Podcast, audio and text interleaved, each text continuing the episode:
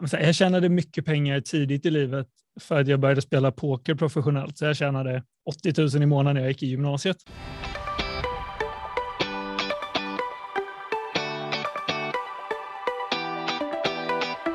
Hej och hjärtligt välkommen till Päronsnacket. Podden där päron snackar just om föräldraskap och karriär.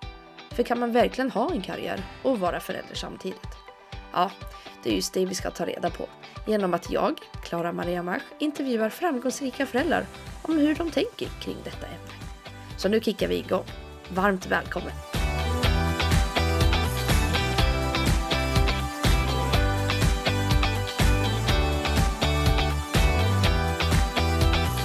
Dagens gäst är Erik Bergman som är entreprenören som i tidig ålder nådde ekonomisk framgång men fann ingen lycka. Hans bolag Catena Media kom till börsen med en värdering på 200 miljoner dollar. Men sedan 2017 så är han inte involverad i det bolaget utan arbetar med något helt nytt där han ger bort alla sina vinster för olika klimatprojekt. Sedan 2017 så har han hunnit med en lång personlighetsresa för att förstå vad livet egentligen handlar om, vilket även hjälpt honom i sin relation. Erik är idag förlovad och har en liten son på ett och ett halvt år. I dagens avsnitt så snackar vi väldigt djupt kring relationer, sex och kommunikation och speciellt vad dessa innebär efter att man har fått barn. Erik berättar även vad han anser kring känslor och vikten av dessa, men även hur viktigt det är för en själv att känna, reflektera och fokusera. Han berättar även om hans relation till pengar och hur det känns att vara snuskigt rik. Så varmt välkomna till dagens avsnitt. Hej Erik! Hej! Hur är läget? Jo, men det är fint faktiskt. Det är eh, sommar och jag sitter inne i en källare trots att solen skiner. ja, visst är det skönt när man är sån här entreprenör och jobbar. ja, jag tänker att vi kommer kicka igång och lära känna dig lite, vem du är. Fem snabba frågor. Ordning och reda eller ordning via kaos? Bara kaos. Inte så mycket ordning alls. Okej. Okay. Eh, gå på kurs eller learning by doing? Learning by doing. Sova på saken eller ta snabba beslut? Ta snabba beslut. Träna eller läsa bok? Träna och lyssna på bok. Mm, ja, den är bra, den är bra. Eh, starta bolag eller investera i bolag? Ja, driva bolag. Mm.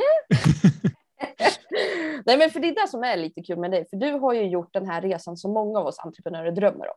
Du har ja. startat massa bolag, misslyckats ibland, startat ett företag som eh, gjorde att när den introducerades på börsen så blev det ju ett miljardbolag och att innan du var 30 så blev det ju, vad ska man säga, får man säga snuskigt rik? Man får säga snuskigt rik. Jag tror att det är den fackliga korrekta termen faktiskt. Ja, men jag tror jag, eller hur? Jag tror ja, men det känns fackligt rätt. Jag tror ja. det är så det står. Slår man upp det så är det så det Så söker man upp det så ser man bara snuskigt rik entreprenör.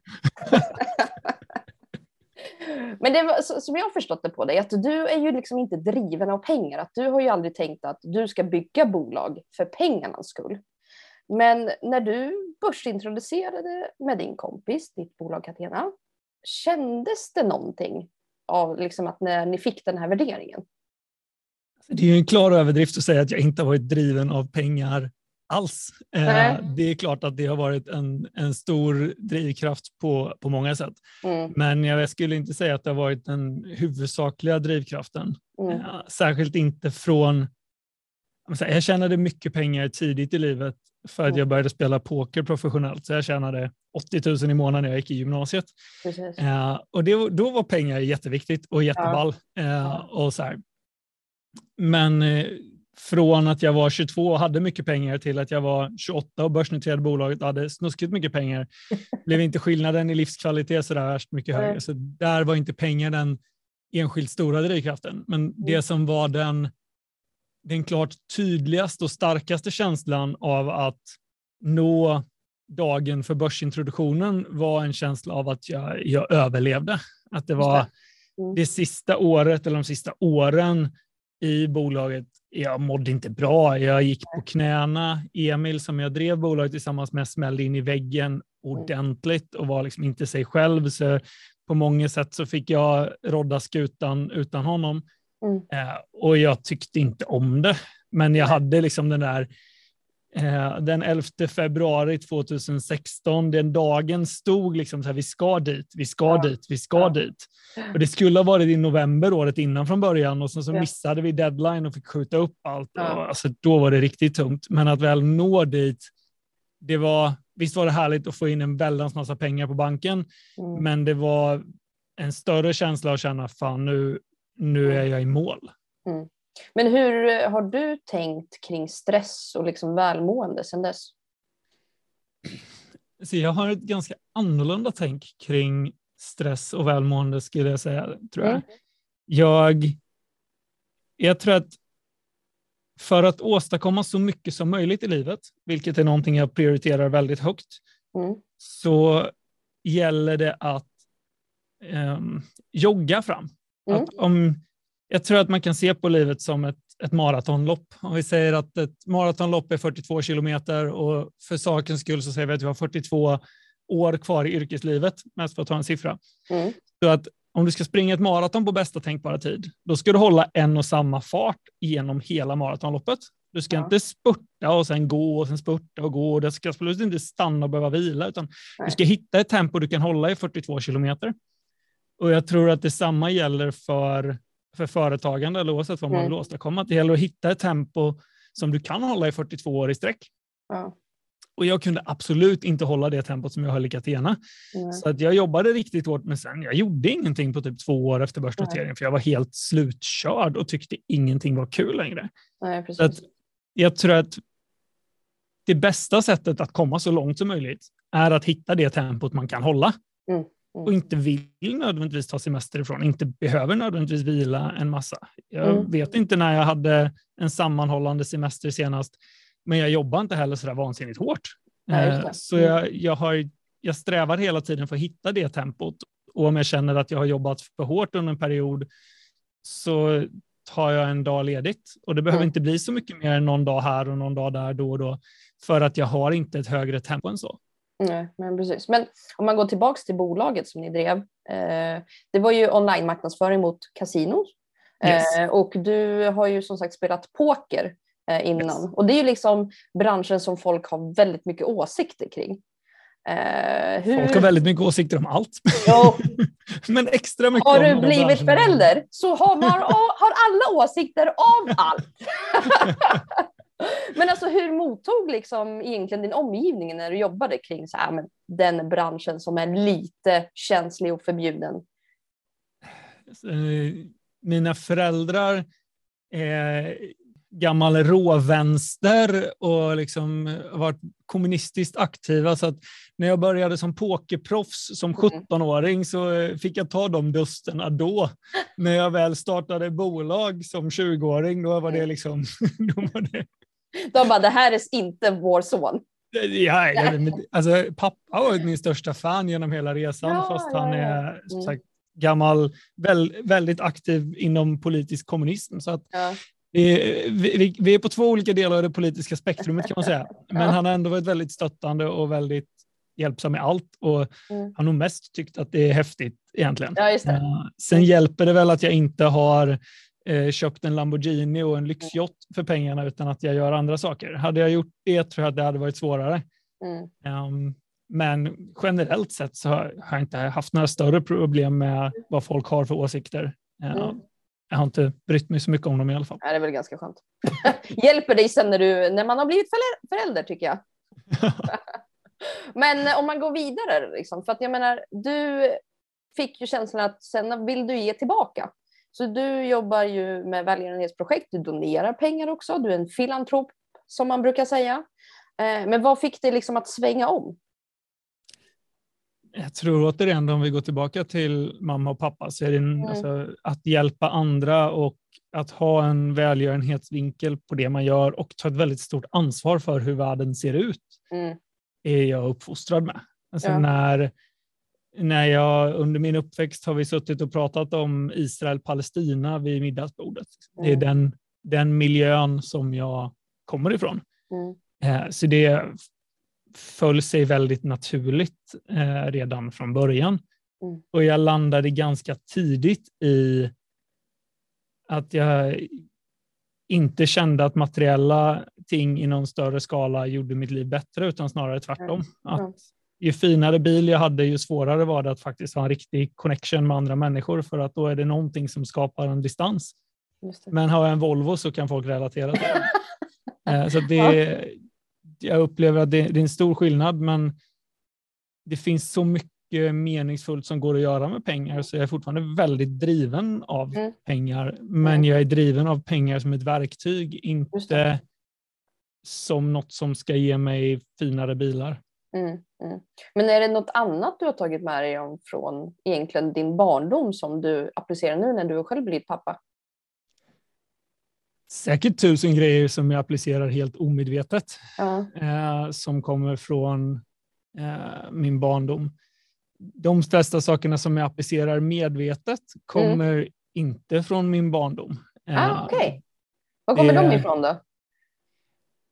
Sen eh, jag lämnade Catena 2017, 2000, slutet 2016, så har jag varit, lagt väldigt mycket tid på personlig utveckling på olika sätt eh, mm. och gjort allt möjligt märkligt. Um, och har fått en väldigt förändrad bild på dels vad känslor är för någonting och hur viktiga känslor är. Mm. Uh, om man tar ett så konkret exempel så när de flesta ser sitt barn gråta så är de snabba med att försöka trösta ett barn och försöka få ett barn att känna någon annan känsla, att det är en leksak som ska fram eller det är mat som ska fram eller de ska upp och gå, så här, skrattas med. Medan jag tror att det är fantastiskt att lära min son att gråt är helt naturligt och gråt så mycket du vill. Mm. Jag kommer inte försöka ta den här känslan ifrån dig eller förändra dig den. Jag, jag håller dig i min famn och sen ja. får du vara så ledsen du vill så länge du vill. Mm. Och så hade jag inte gjort för några år sedan. Men ah, jag har gjort så nu för att jag mm. har den, den relationen själv till känslor. Att så här, jag vill mm. inte förändra mitt eget känslotillstånd. Om jag känner mig ledsen vill jag vara ledsen. Eh, för att jag tror att sorg är nyttigt. Jag tror mm. att den är där av en, en, anledning. Naturen är inte känd för att hitta på så många grejer som inte har en funktion. Uh, så att det är ett, ett perspektiv till det.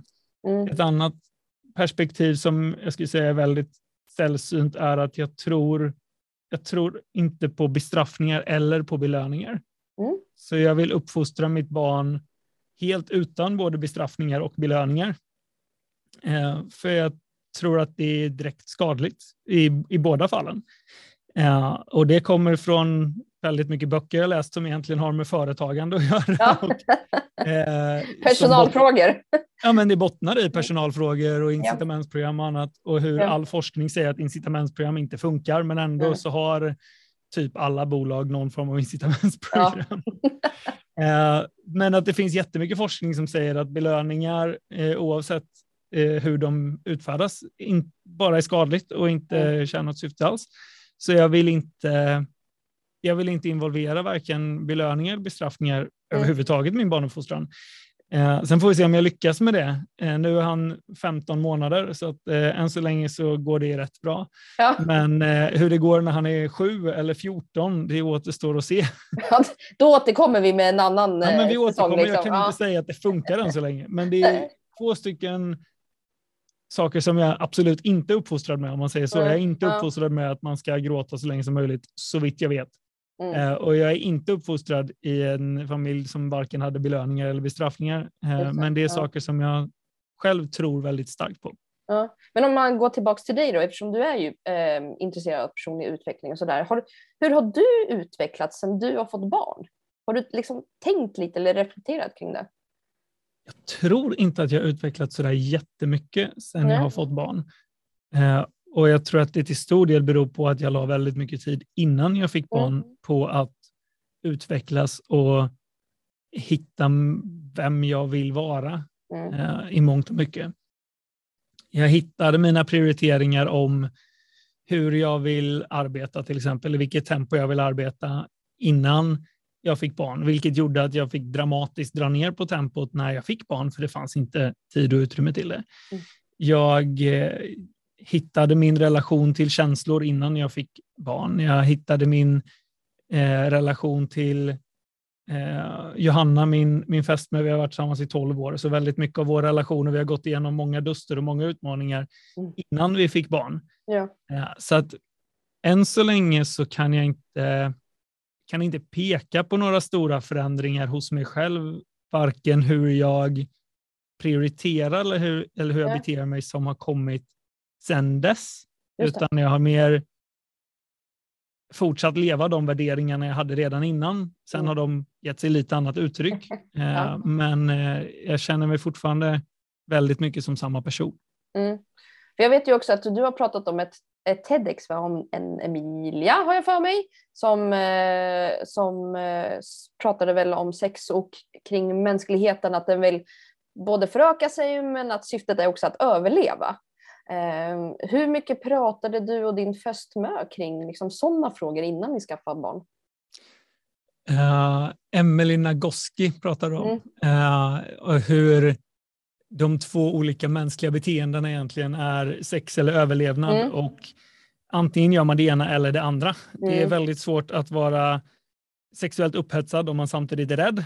Men mm. när man inte är rädd och allting är tryggt och allting är bra så är egentligen den funktionen som mänskligheten har är att fortplanta sig eh, i huvudsak. Men det gör också att det är väldigt svårt att få sexlivet att funka när eh, det finns en massa stress och andra mm. grejer och har varit en Sex i största allmänhet har varit den största utmaningen för mig och Johanna i hela vår eh, mm. relation och mm. är, jag ska inte säga att det är mer påtagligt än någonsin för vi har mycket bättre sätt att kommunicera kring det sen mm. vi fick barn. Det var mycket svårare för fem år sedan när vi inte visste vi skulle prata om det.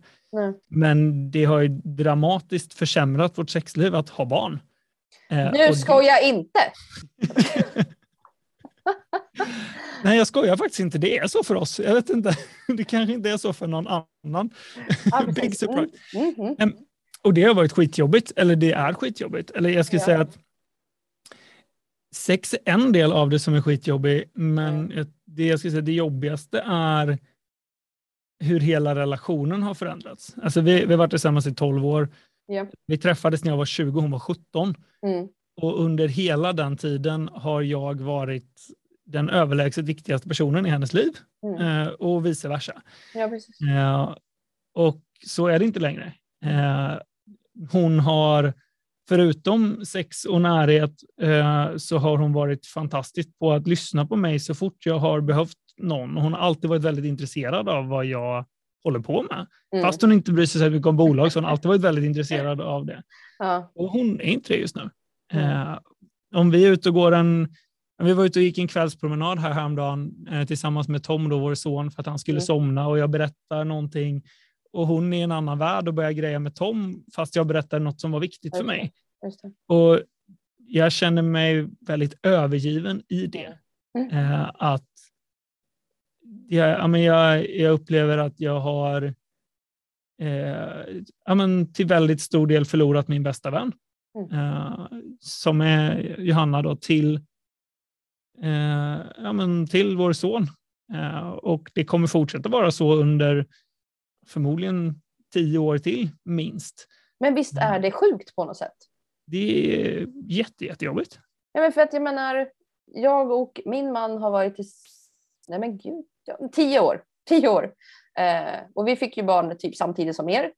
Eh, och på något sätt känns det som att en människa som man precis lärt känna, även om jag som kvinna har burit barnet liksom i nio månader, att det blir så stor del av ens liv som att det är så mycket annat som man har prioriterat och värderat så högt på något sätt bara försvinner. Och ens bästa vän som man har alltid pratat med om allt hela tiden. Liksom. Min man är inte egenföretagare eller företagare överhuvudtaget. Eh, och när man har själv haft bolagskriser då är det den personen man har bollat med om man inte har någon annan partner. Liksom. Och nu har man knappt ork att göra det. Det är som att hela livet på något sätt så här, alltså inte, förändras gör det ju. Men det blir som att prioriteringarna bara förändras sådär. Men det, jag tycker att det är det, det blir så tydligt för eh, jag, jag, är som sagt jag, är en väldigt emotionell person och låter mina mm. känslor ta väldigt stor plats. Och jag har varit väldigt mm. ledsen mm. Det senaste året, eller ett och ett halvt åren sedan, mm. sedan Tom. Jag har känt mycket sorg över det här. Mm. Eller över att vår relation inte är vad den borde vara, eller har mm. varit i alla fall.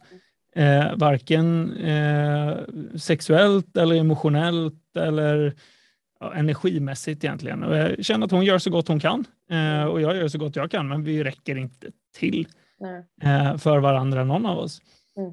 Och det har jag varit väldigt ledsen över och det blir så påtagligt för att om, om i extremfallen så har jag legat och gråtit över det här mm. och sen börjar Tom gråta.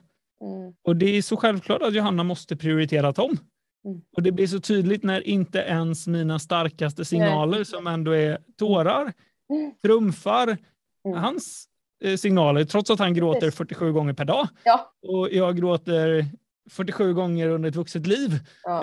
Nej men ja, ja visst.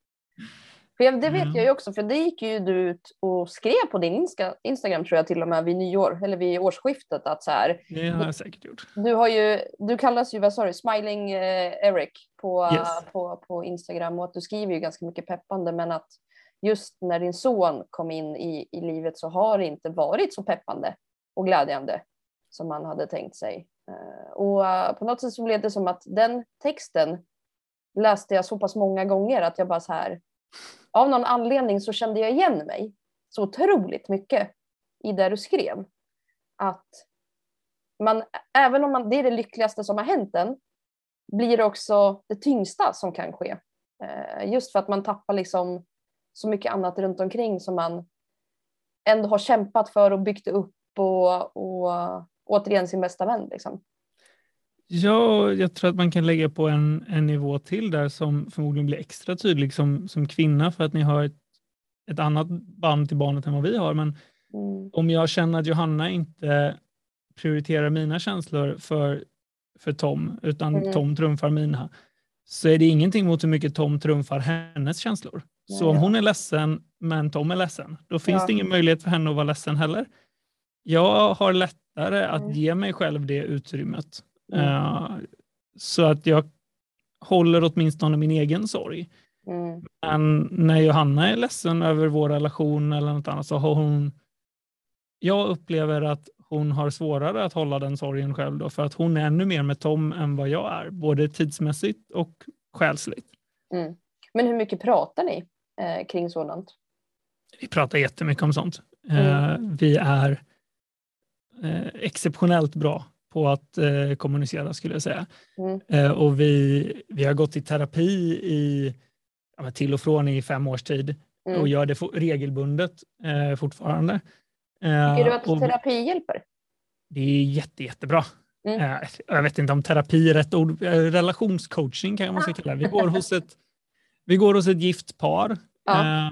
som är tio år äldre än oss kanske, eller något sånt där, som har barn, som ja. har varit i liknande situationer på många sätt, som har väldigt liknande värderingar. Och det är väldigt värdefullt att prata med båda dem.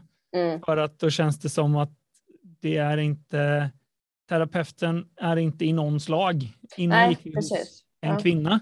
Mm. Och det, jag kände alltid lite att amen, så här, ni håller ihop för att ni är kvinnor, ni relaterar ju till de här. Särskilt när det blir, man pratar om sex och sådana ja. saker. Det är så här, men, ni spelar ju samma, samma lag. Liksom. Mm. Eh, Medan att gå hos ett, ett par då som har gått igenom liknande livsutmaningar så kan man dels relatera till deras historier men också känna att så här, ah ja, om det nu blir tjejerna mot killarna så är det åtminstone två mot två. Liksom.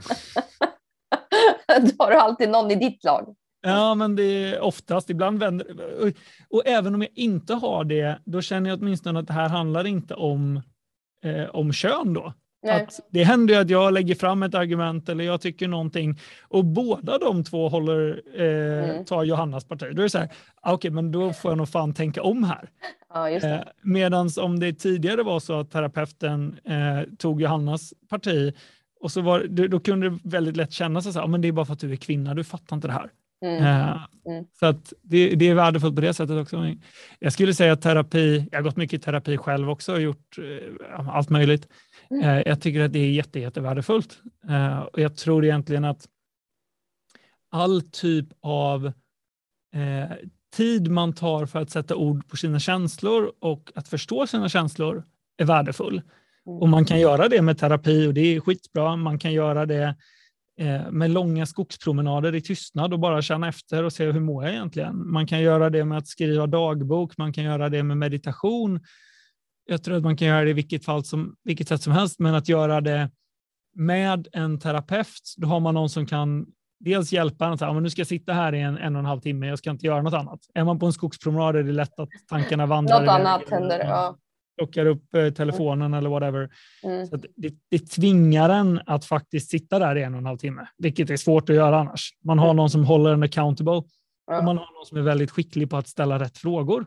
Ja. Ja och det upplever jag är men, väldigt, väldigt användbart. Mm. Uh, så att jag varmt rekommenderar all typ av terapi, uh, eller all typ kan jag inte säga, men uh, testa vad ja. som helst och se vad som händer. Ja, Nej, det är, för det är ju någonting jag har själv funderat på, just för att jag tycker kommunikationen är svår när man har skaffat barn. Eh, för att man tappar så mycket och man själv, nej men så här, som entreprenör, man jobbar lite när det passar. Du säger hej, imorgon kan vi köra för annars kan inte jag vara med på kommande tio år. Nej, jag hoppar in, vi spelar podd. Liksom. så att det är så här, man, man är ju konstant flexibel och vill så mycket runt omkring. Och så vill man ju också så gärna behålla förhållandet som man har byggt upp i ja, 10 respektive 12 år. Då.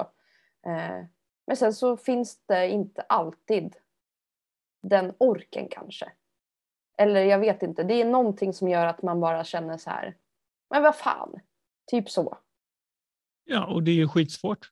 Mm. Uh, alltså det, det, måste vara, det måste finnas en tid i kalendern, annars blir det inte av. Mm. Nej, men lite så. Uh, jag tänker så här, det, det, får gärna kosta lite pengar också för ja. att då, det är så här, men nu har jag lite skin in the game, jag kan ju inte skita där, jag har ju betalt för det här. uh, så ja. jag, jag, tror att det hjälper. Mm. Uh, det hjälper i alla fall att ta det på allvar. Mm. Uh, så vi har en stående tid varje torsdag och haft det mm. länge. Uh, där vi då har, då vet vi att vi ska ha barnvakt, vi har terapitid och vi har tid med varandra efteråt för att då brukar Tom somna och så. Ja, just det. Ja. Men jag tänker så här, vi kör ett litet mellanstick. Då ska du få reagera lite med smileys. Eh, vi har då glad, ledsen, chockad, arg, irriterad, eh, kärleksfull, förväntansfull och lite crazy. Yes. Du får välja alla, du får välja mm, ingen, du får välja en. Så ska jag läsa upp ett påstående. Hur är det med sömnen när man är småbarnsförälder? Uh, ledsen skulle jag säga. Enbart det... ledsen? Ja, men Jo, men jag skulle säga enbart ledsen faktiskt. Jag är inte chockad över hur det är. Jag är inte arg över hur det är. Liksom. Mm. Jag älskar det definitivt inte. Nej. det. Och, eh, det är inte så illa att jag är crazy. Eh, det är ändå varit rätt. Det är ändå rätt, rätt okej. Okay. Ja, okej okay då. Egen tid som småbarnsförälder? Eh, alltså, jag sitter i den här angenäma situationen att jag har väldigt mycket pengar, vilket gör att jag får hjälp med många olika saker på många sätt. Mm. Så jag har ändå ganska mycket egen tid. Det är mm. såklart mindre än vad jag skulle vilja. Men jag tror inte att jag är en rätt neutral en smiley, fast inte med ett sånt där jättestort leende som den där smileyn. Bara ett litet leende kanske? Ja, men bara ett litet leende. Jag är, jag är bra på att eh, prioritera min egen tid. Eh, mm. Och eh, det är snarare så att jobbet får ge vika, vilket jag sitter i den angenäma situationen att jag kan göra. Men hur är det att driva bolag då när man är småbarnsförälder?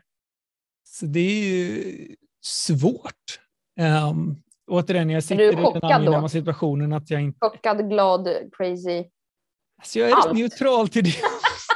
neutral, okej. Okay. Ja, ja, det, det är så här, jag, jag, känner mig, det är ungefär som jag har tänkt mig att det ska vara. Jag tycker ja. att det mesta med att bli förälder är som jag har tänkt mig att det ska vara. Är det, det är svårt liksom.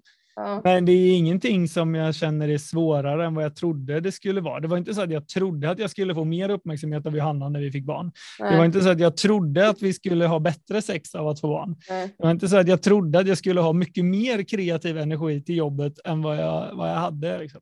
Ja. Eh, så att, ehm, jag brukar beskriva mitt liv just nu som att jag är på kilometer 28 i ett maratonlopp. Eh, okay. Jag gillar uppenbarligen maratonanalogier fast jag aldrig skulle få för mig att springa ett maraton. Eh, men med det menar jag att eh, jag tänker mig att den 28 kilometern i ett maratonlopp, det är inte den man springer ett maraton för. Nej. Den är en av de tyngsta, mm. antar jag, för att det är långt kvar, Precis. men man börjar förmodligen bli riktigt jävla trött redan. Men man har vetat om det från början, att det här är en tuff kilometer. Mm. Och har man förberett sig väl och tränat väl så eh, vet man också att man klarar av den. Mm. Och det är så jag känner just nu. Jag är i relativt tidig fas i mitt nya bolag och det börjar ta fart men tar mycket av min uppmärksamhet. Jag håller på att bygga en by, vilket är en, inte ett vanligt projekt någon tar sig an. Eh, och jag är småbarnsförälder och jag flyttade nyligen tillbaka till Sverige efter tio år utomlands, mm. vilket kommer med en hel del utmaningar. Och, men jag, jag upplevde att jag kunnat förutse väldigt många utmaningar, eller rätt sagt, jag kunnat förutse att det här kommer bli jobbigt. Ja. Allt är jobbigt ja. och livet är inte så jävla ball just nu. Mm. Eh, men jag känner inte heller att jag... Jag är inte så besviken över att livet inte är kul. Nej. Eh, utan jag... Men berätta, det är jätteintressant. Hur, hur menar du? Men så här, jag hade reflekterat mycket kring de här sakerna eh, mm. innan. Så här, jag håller på, som jag bygger en by. Eh, mm. Just nu bygger jag ett stort hus och jag har byggt, renoverat ett hus. Jag ska bygga två hus till och byggt ett litet hus. Så bokstavligt talat bygger en by. Och jag vill inte men alltså bygga... vart? Va? Vart? Eh, I Sickla. Ja. Mm. Eh, utanför Stockholm, Nacka.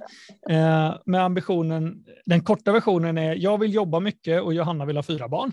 Mm. Eh, för att kunna få den ekvationen att gå ihop så måste mina föräldrar bo här, Johannas föräldrar bo här, ah. Johannas tre systrar bo här. Så då mm. kan vi ha fyra barn och de kommer ändå få den kärleken och stöd de behöver. Ja, ja. Utan att jag nödvändigtvis behöver ge dem all den kärleken och stöden som jag inte är kapabel att ge. Och ge. För att det är inte så mm. jag vill prioritera mitt liv. Mm. Det är den korta versionen. Mm. Eh, men jag vill absolut inte bygga en by. Jag vill ha en by. Jag ja. tycker inte om att designa ett hus. Jag tycker inte om att prata med arkitekter. Jag tycker inte Nej. om att ansvara för det där. Eh, så det tar extremt mycket energi. Men jag visste det när jag började. Eh, jag visste bara att det finns inget annat sätt. Man, mm. man får inte tag i en by. Alltså det, det, det, inte en enda by ligger på Hemnet i nära Stockholmstrakten. Det var så roligt att du bara, ja nej men sen så, så min senaste äh, grej, köper och säljer byar. det fanns inte en enda by i Nacka att köpa. Aj, aj, aj. Så att, då fick jag göra så här. Mm. Och jag visste om det. Mm. Jag har aldrig varit särskilt förtjust i småbarn. Jag har mm. aldrig sett fram emot småbarn. Nej. Eh, jag ser fram emot att ha liksom barn som går att prata med och lära mm. saker, för jag tycker om att lära ut saker, men jag har aldrig, aldrig gillat barn. Nej. Nej. Eh, det är ingenting. Så jag har inte sett fram emot den perioden, men jag mm. förstår ju att det är jävligt svårt att ha ett barn och mm. hoppa över den perioden. Alltså det är mm. inte så det går till. Om du inte eh, adopterar? Jo, även om man adopterar så tror jag att det, det kommer med en helt annan portion. Ja, ja, då, ja, då är det en annan grej. Och då har du inte heller byggt upp den känsloupplevelsen mm. som det är, alltså den, den kärleken som kommer under de åren. Mm. Som jag tror kommer mycket från att man gör uppoffringar och säger, varje gång du gör en uppoffring för ditt barn så tror jag att du säger till din kropp att det här är viktigt. Och mm. jag tror att kroppen mm. belönar det med, med kärlek. Jag tror att det är den enkla transaktionen som görs i kroppen. ja. um, men jag, jag gick in med inställningen föräldraskap tror inte jag är... Alltså jag, tror inte, det, jag gick inte in med tanken att jag kommer älska det här. I alla fall inte småbarnsåren. Mm. Jag gick inte in med inställningen att jag kommer älska att eh, bygga den här byn. Jag bara, jag vill ha den här byn. Jag gick absolut mm. inte in med inställningen att jag skulle älska de första åren i Sverige med nya bolagsuppstarter och skattelösningar och mm.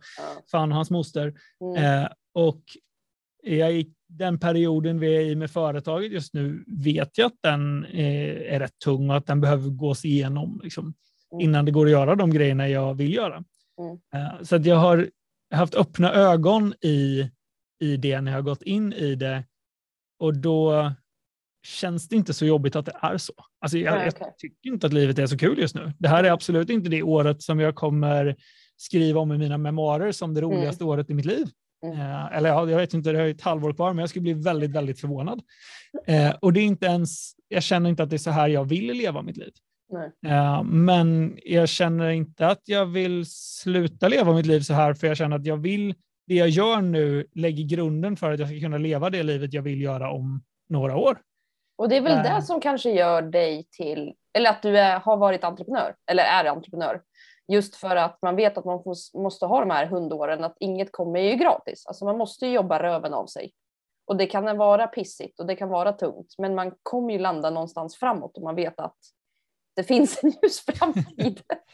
Så jag tror jag har, varit, jag har varit entreprenör för att jag inte kunnat låta bli att vara entreprenör. Eh, jag, har inte, jag har inte tänkt på hundår, jag har inte, jag har inte tänkt så mycket på pengar eller så här. Nej, jag det är det jag menar. Du känns ju kan jag en... genomföra den här grejen Precis. och så gör jag den ja. grejen. För det känns ju precis som att du är en sån person, att så här, ah, men det är klart det ska göras.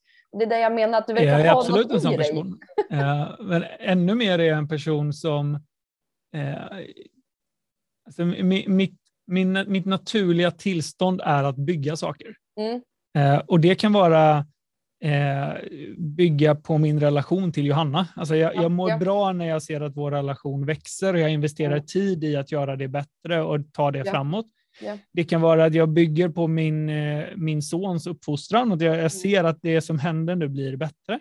Mm. Och det, kan, det kan vara att jag bygger på min hälsa, men det kan också Mm. vara att jag bygger på ett bolag. Och jag, det är mitt naturliga tillstånd att bygga och se framsteg. När jag gör det, ja, men det är på många sätt det jag lever för. Oavsett vad det är jag gör det för så är det att se hur det utvecklas framåt och Mm. ha en väldigt långsiktig plan i allting jag gör. Mm. Jag vill inte bygga på någonting som jag bara vill bygga på i två år och sen bygga på något annat. Jag tror inte ett skit på att börja om. Nej. Eh, Jag vill absolut inte avsluta min relation till Johanna för att börja bygga på en ny relation. Inte det minsta sugen på det. Nej. Och jag vill inte heller någon gång i hela mitt liv börja bygga på ett nytt bolag.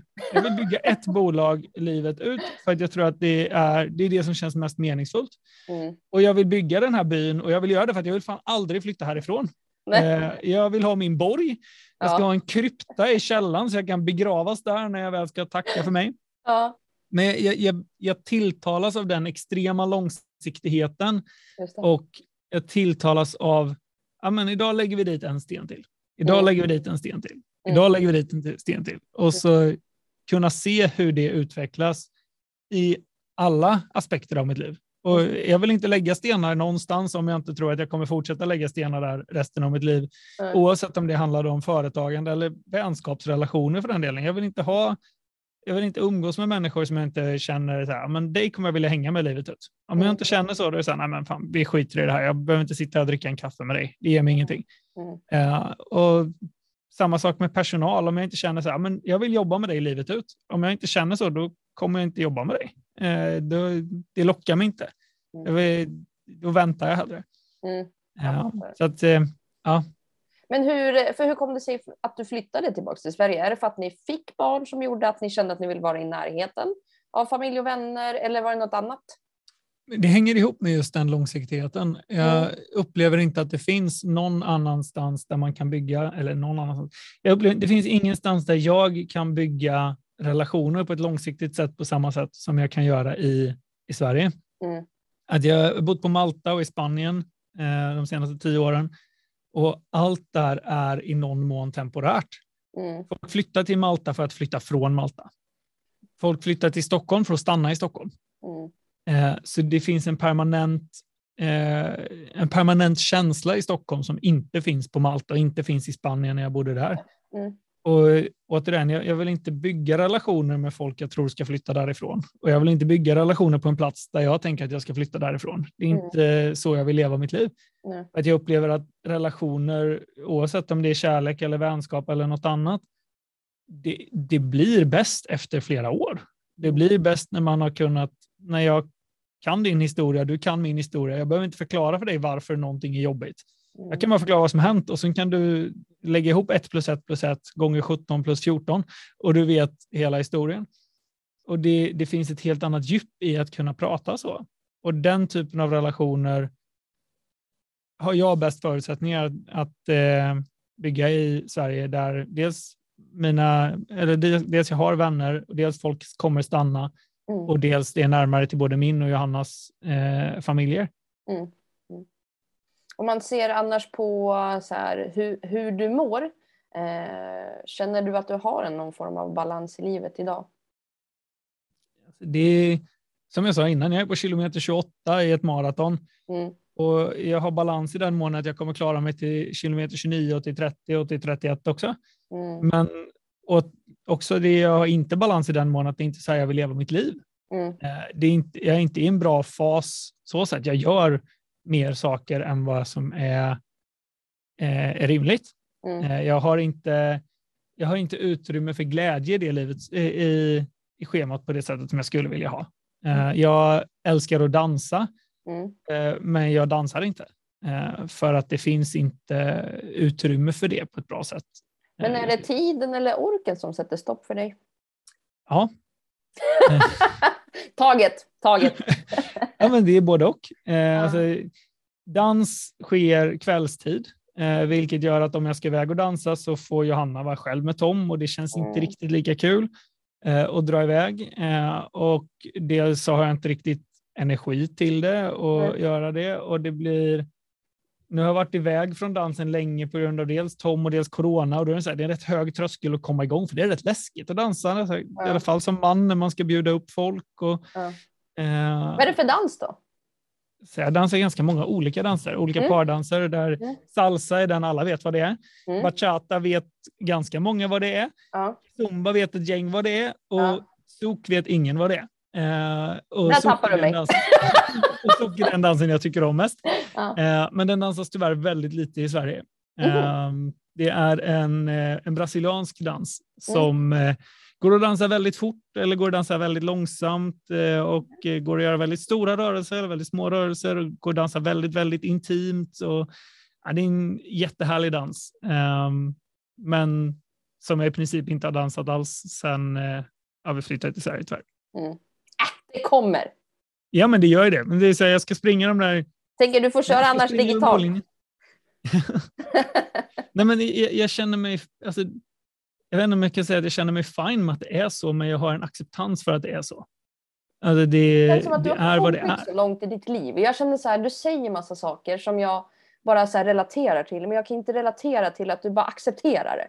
Jag vet inte. Förstår du vad jag menar? Nej men grejen är den, du säger så mycket kloka saker. Och då känner jag lite ångest att jag inte har kommit så här långt som du har gjort på något sätt. Men du har inte haft fyra år på dig att sitta och tänka? Nej, nej det har jag inte. men, men, men, på något sätt blir det lite så att jag vill ju vara där du är. För jag har inte accepterat vissa saker. Att jag inte hinner med vissa saker och det ger mig bara mer stress. En, en liksom. väldigt en väldigt fin sak som jag tog med mig som eh, Johannes Hansen sa mm. eh, var att när han sitter, eh, när han sitter och coachar i, i möten och folk kommer med en sån här stor lista och så men allt det här, det här, det här gör jag liksom, men jag, mm. jag får inte mitt liv att gå ihop. Mm. Och så nej, och vet du varför det inte går ihop? nej, därför det inte går ihop. Mm. Alltså det går inte att göra Nej. alla de där grejerna. Liksom. Det är inte ditt fel att livet inte går ihop. Mm. Du har en lista med grejer som tar 47 timmar att göra och du har 24 timmar på dig. Och dessutom ska du sova åtta av dem. Ja. Alltså det, det, är så här, det går inte ihop. Jag tycker att det är något befriande i det. Och min personlighetstyp, och jag gissar att din personlighetstyp är sån också, att du kommer fylla all tid. Hade du haft 48 timmar på ett dygn så hade du lagt in 67 timmar av grejer. Alltså det, det är inte, det, det, är inte tiden som är problemet, för att du vill för många saker. Mm. Och Nej, men ja. Det går inte. Nej. Det, och det är så att, pistigt att höra. Ja, ja, men det är, liksom bara, det är bara så det är. Det ja. gäller bara att vara bra på att säga nej till de sakerna som inte känns riktigt tillräckligt mm. ball. Alltså, mm. mm. Om vi tar den här podden till exempel. Du bjöd in mm. mig till den för jag inte, fyra månader sedan eller vad det var. Mm. Och jag tackade först ja och sen kände jag nej, mm. men jag har inte space för det här. Det här är tyvärr den delen av min priolista som jag får mm. stryka just nu. Och då stryker jag den. Eh, och det känns trist. Eh, för att jag ville göra det här, men det fanns inte tillräckligt med energi och kärlek till det. Och jag ville ha min energi och kärlek till annat. Medans, nu fick jag en fråga av dig igen för två dagar sedan och sa, oh, okay, men jag vill inte lova bort mig för jag vet inte hur jag mår om en vecka. Men om vi gör det här imorgon så är jag på. Och det är så min logik är här. Att det är här, jag vill inte göra ett löfte om en vecka, för jag vet inte vad jag, vad jag vill ha min energi till då. För jag hinner ändra mig. Men om vi kör imorgon, då känner jag, men imorgon vill jag. ja, då var det bara att köra. Ja, och jag gör nästan inga löften eh, längre fram i tiden än några dagar. Alltså jag, jag fick en inbjudan till en fest här för mm. tioårsjubileum för en kompis företag om ett, mm. någon, om ett par månader. Så här, men RSVP nu liksom och skriva en fråga. Jag bara, så skrev jag till honom, om, jag, jag vill förmodligen komma, men om du ber mig svara nu kommer jag svara nej. Mm. Men om jag får säga kanske så är sannolikheten rätt stor att jag kommer. Mm. Jag vill inte lova bort mig på något om två månader, för jag vet inte vad jag vill göra med min energi då. Att kunna acceptera att jag inte hinner med vissa grejer mm. eh, bottnar i att jag är väldigt övertygad om vad som är viktigast för mig. Mm. Eh, och jag är väldigt, väldigt tydlig i hur jag prioriterar de grejerna. Mm. Som på svar på frågan om egen tid, att det är, så här, det är väldigt viktigt för mig att jag får, eh, jag tränar kampsport, jag håller på med brasiliansk jiu-jitsu och tycker det är svinkul. Det är min största prioritering. Den är mm. viktigare än min son. Mm. Den är viktigare än, eh, än min flickvän. Mm. Eh, för att det är dels min glädje och dels min fysiska hälsa. Mm. Eh, så att, att få in det i schemat prioriterar jag över allt annat. Eh, och jag får in det i schemat. Jag missar inte det. Jag missar inte träningen någon gång. Eh, men det är för att jag har landat i en väldigt stark övertygelse om att det här är viktigast. Och då är det viktigast. Men är det inte också viktigt för att om du gör det så kommer du må bra, vilket gör att du blir bättre partner och bättre förälder och liksom Absolut. det ringar på vattnet-konceptet. Det finns, liksom. finns massor av, av följder som mm. gör att det är eh, väl, viktigast för mig. Mm. Eh, men jag ser också till att det faktiskt är viktigast för mig. Mm. Och jag är väldigt jag är väldigt grundad i vad som är viktigast för mig och det blir mycket lättare att välja bort de sakerna Eh, om jag tittar på mitt liv för, för sju år sedan, säger vi, mm. Eh, så fanns det många grejer i mitt schema som jag gjorde och jag var aktiv hela tiden. Mm. Men jag hade egentligen aldrig lagt någon större tid på att fundera på vilka av de här sakerna är viktigast. Mm. Eh, är den där festen på fredagen viktigast? Eller är det där träningspasset viktigast? Eller är jobbet viktigast? Eller är Johanna viktigast? Eller vad var viktigast? Allt bara hände i ett konstant virvar. Mm. Nu är jag väldigt säker på vad som är viktigast i mitt liv. Och då är det väldigt lätt att välja bort den där festen på fredagen om den inte är viktigast. Utan att känna en massa FOMO över det. För att det är så här, nej, men mm. jag ville vara uppe och jobba klockan sju på lördag morgon. Mm. Eh, och då är det så det mm. Men det, det bottnar i mycket reflektion och tid och förståelse för vad är det egentligen jag bryr mig om. Jag tror att det är kanske det som alla borde göra. Jag känner mig väldigt träffad att det kanske jag borde ta mig en liten reflektion och prioriteringsstund tror jag. Det, alltså det jag har gjort efter att jag fick barn var att jag tog ju bort alla så här ideella uppdrag och alla såna här styrelseuppdrag allt möjligt som var mer för goodwill för att jag kände att den tog bort så himla mycket kvällstid. För oftast ligger det på kvällar, helger, sådana grejer. Eh, för att jag behöver sömn och träning eh, för att kunna överleva mitt föräldraskap eller mitt mammaskap. Liksom. Eh, men jag har ju aldrig, som du säger, reflekterat just för att inte få den här FOMO-grejen. Alltså, men är det här prio, om man gör två saker mot varandra, vad är viktigast? Liksom? Uh, ja, den tar jag med mig. Den känner jag verkligen. det var ganska ta med mycket. dig förståelsen ja. av att om mm. din personlighetstyp är som min personlighetstyp så finns det inget antal timmar i världen som hade räckt på ett dygn. Du har lagt in minst 30 procent för mycket ändå. ja, ja, ja, japp, ja, alltså det jag kan inte. Ja, ja, ja. Och det, det, är en värdefull insikt tycker jag. Att det, är så här, nej, men det går inte att säga att dagen är för kort, för det hade inte spelat någon som helst roll. Nej. nej. Nej, så är det. Eh, då tänker jag så här, då uh, tänker jag att vi avrundar lite nu. Kör på. Eh, jag tänker så här, jag skulle vilja ha ett eh, tips till småbarnsföräldrar som känner att det är lite knepigt med kommunikation mellan varandra. Vad bör de göra? Vad bör man tänka på? Jag tror att kommunikativt så är det absolut viktigaste som, som jag har tagit till mig är en ansträngning att bli en bättre lyssnare. Mm. Och en ansträngning är att förstå först, bli förstådd sen. Mm. Jag tror att den största kommunikativa utmaningen som par har och definitivt jag och Anna har haft är att båda vill bli förstådda samtidigt. Mm. Och ingen är intresserad av att förstå innan de har blivit förstådda. Just det. Vilket gör att ingen förstår. Mm. Eh, och det är väldigt lätt att tycka att den andra ska lära sig kommunicera, men i allmänhet så vill folk inte lära sig saker. Mm. Eh, så att genom att bara bestämma sig för att men jag ska alltid vara den som förstår först. Jag ska förstå hennes perspektiv först. Eh, så är det så mycket lättare att sen få bli förstådd. Eh, att gå in med inställningen, för den andra personen behöver inte ändra någonting. Mm. Om du bara lägger ditt tid och din engagemang i att först förstå eh, och sen bli förstådd, så ökar chanserna dramatiskt att du faktiskt kommer bli förstådd. Men om du, kommer, om du går in med inställningen att du ska göra dig själv hörd först och kommunicera dina känslor först, då kommer det med största sannolikhet gå åt fanders. Eh, för så tänker med största sannolikhet din partner också. Och alla andra människor du träffar. Eh, så att, att, bara ha den inställningen, okej, okay, jag ska förstå den andra personen innan jag blir förstådd. Mm. Eh, det, det styr väldigt mycket vilka frågor du ställer.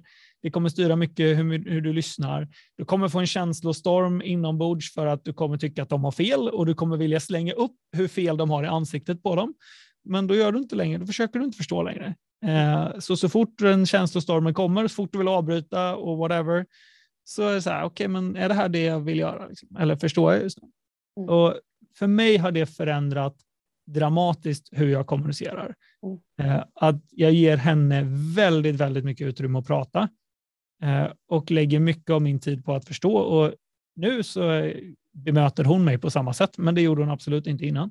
Mm. Eh, och det gör att vi har kvällar där den ena personen får bli förstådd och den andra får bara förstå. Och de mm. får inte prata någonting om sig själva, eller det är liksom inte det som handlar om just nu. Eh, och vice versa. Och att bara gå in med den inställningen, okej, okay, men jag ska i alla fall förstå. Det tror jag gör väldigt, väldigt stor skillnad. Mm. Det var jättebra. Jättebra tips. Eh, men det var inte sista frågan från mig till dig. ja, till mig. jag har ju som sagt frågor i burken. Eh, frågor, woho! Så då är inte ska... frågan från dig till mig, det är frågan från någon annan till mig. Det är det faktiskt. Så är det. Det är från tidigare gäster. Eh, och jag tänker så här, jag kommer, nu tänkte jag säga gojsa runt i burken, men jag menar att jag kommer skaka runt burken. Och sen så får du säga stopp och sen så drar jag en lapp och läser. Oh, stopp. Har du något motto du lever efter? Jag har massa motton. Uh, Kör det som bara sändes direkt, det här. uh, den största anledningen till att vi inte får det vi vill ha är att vi inte vet hur vi ska be om det. Mm. Eh, det tror jag är väldigt, väldigt viktigt. På tal om, om kommunikation så i de allra flesta fall så kommunicerar vi inte vad det är vi vill ha. Vi säger inte det i klartext. Vi ber inte någon göra det vi faktiskt vill de ska göra, utan vi är passivt aggressiva eller retas eller är arga eller reagerar på någon helt annan situation. Det är väldigt sällan vi sitter ner och i en lugn och sansad ton säger det här är väldigt viktigt för mig och det här är varför det är viktigt för mig. Mm. Skulle du kunna tänka dig att göra det för mig? Och jag tror att skulle vi bara kommunicera på det sättet så skulle vi få hundra gånger oftare det vi vill ha i livet. Men vi ber väldigt sällan om det vi vill ha i klartext och väldigt ofta i ja, subtila, oftast negativt riktade kommentarer på ett eller annat sätt. Mm. Ja, jag kan hålla med. Jag har inget mer att tillägga där. det var faktiskt jättebra. Eh, stort tack Erik eh, för dina visa ord och att vi fick ändå komma ganska på djupet eh, och känna, tycka och tänka med dig kring, egentligen kring föräldraskap, kring känslor i förhållande och vad som händer med en när man blir förälder. Så stort, stort tack! Stort tack för mitt möjlighet att vara med. Ja, och ha det så bra. Hej svejs! Ha det bra. Hej!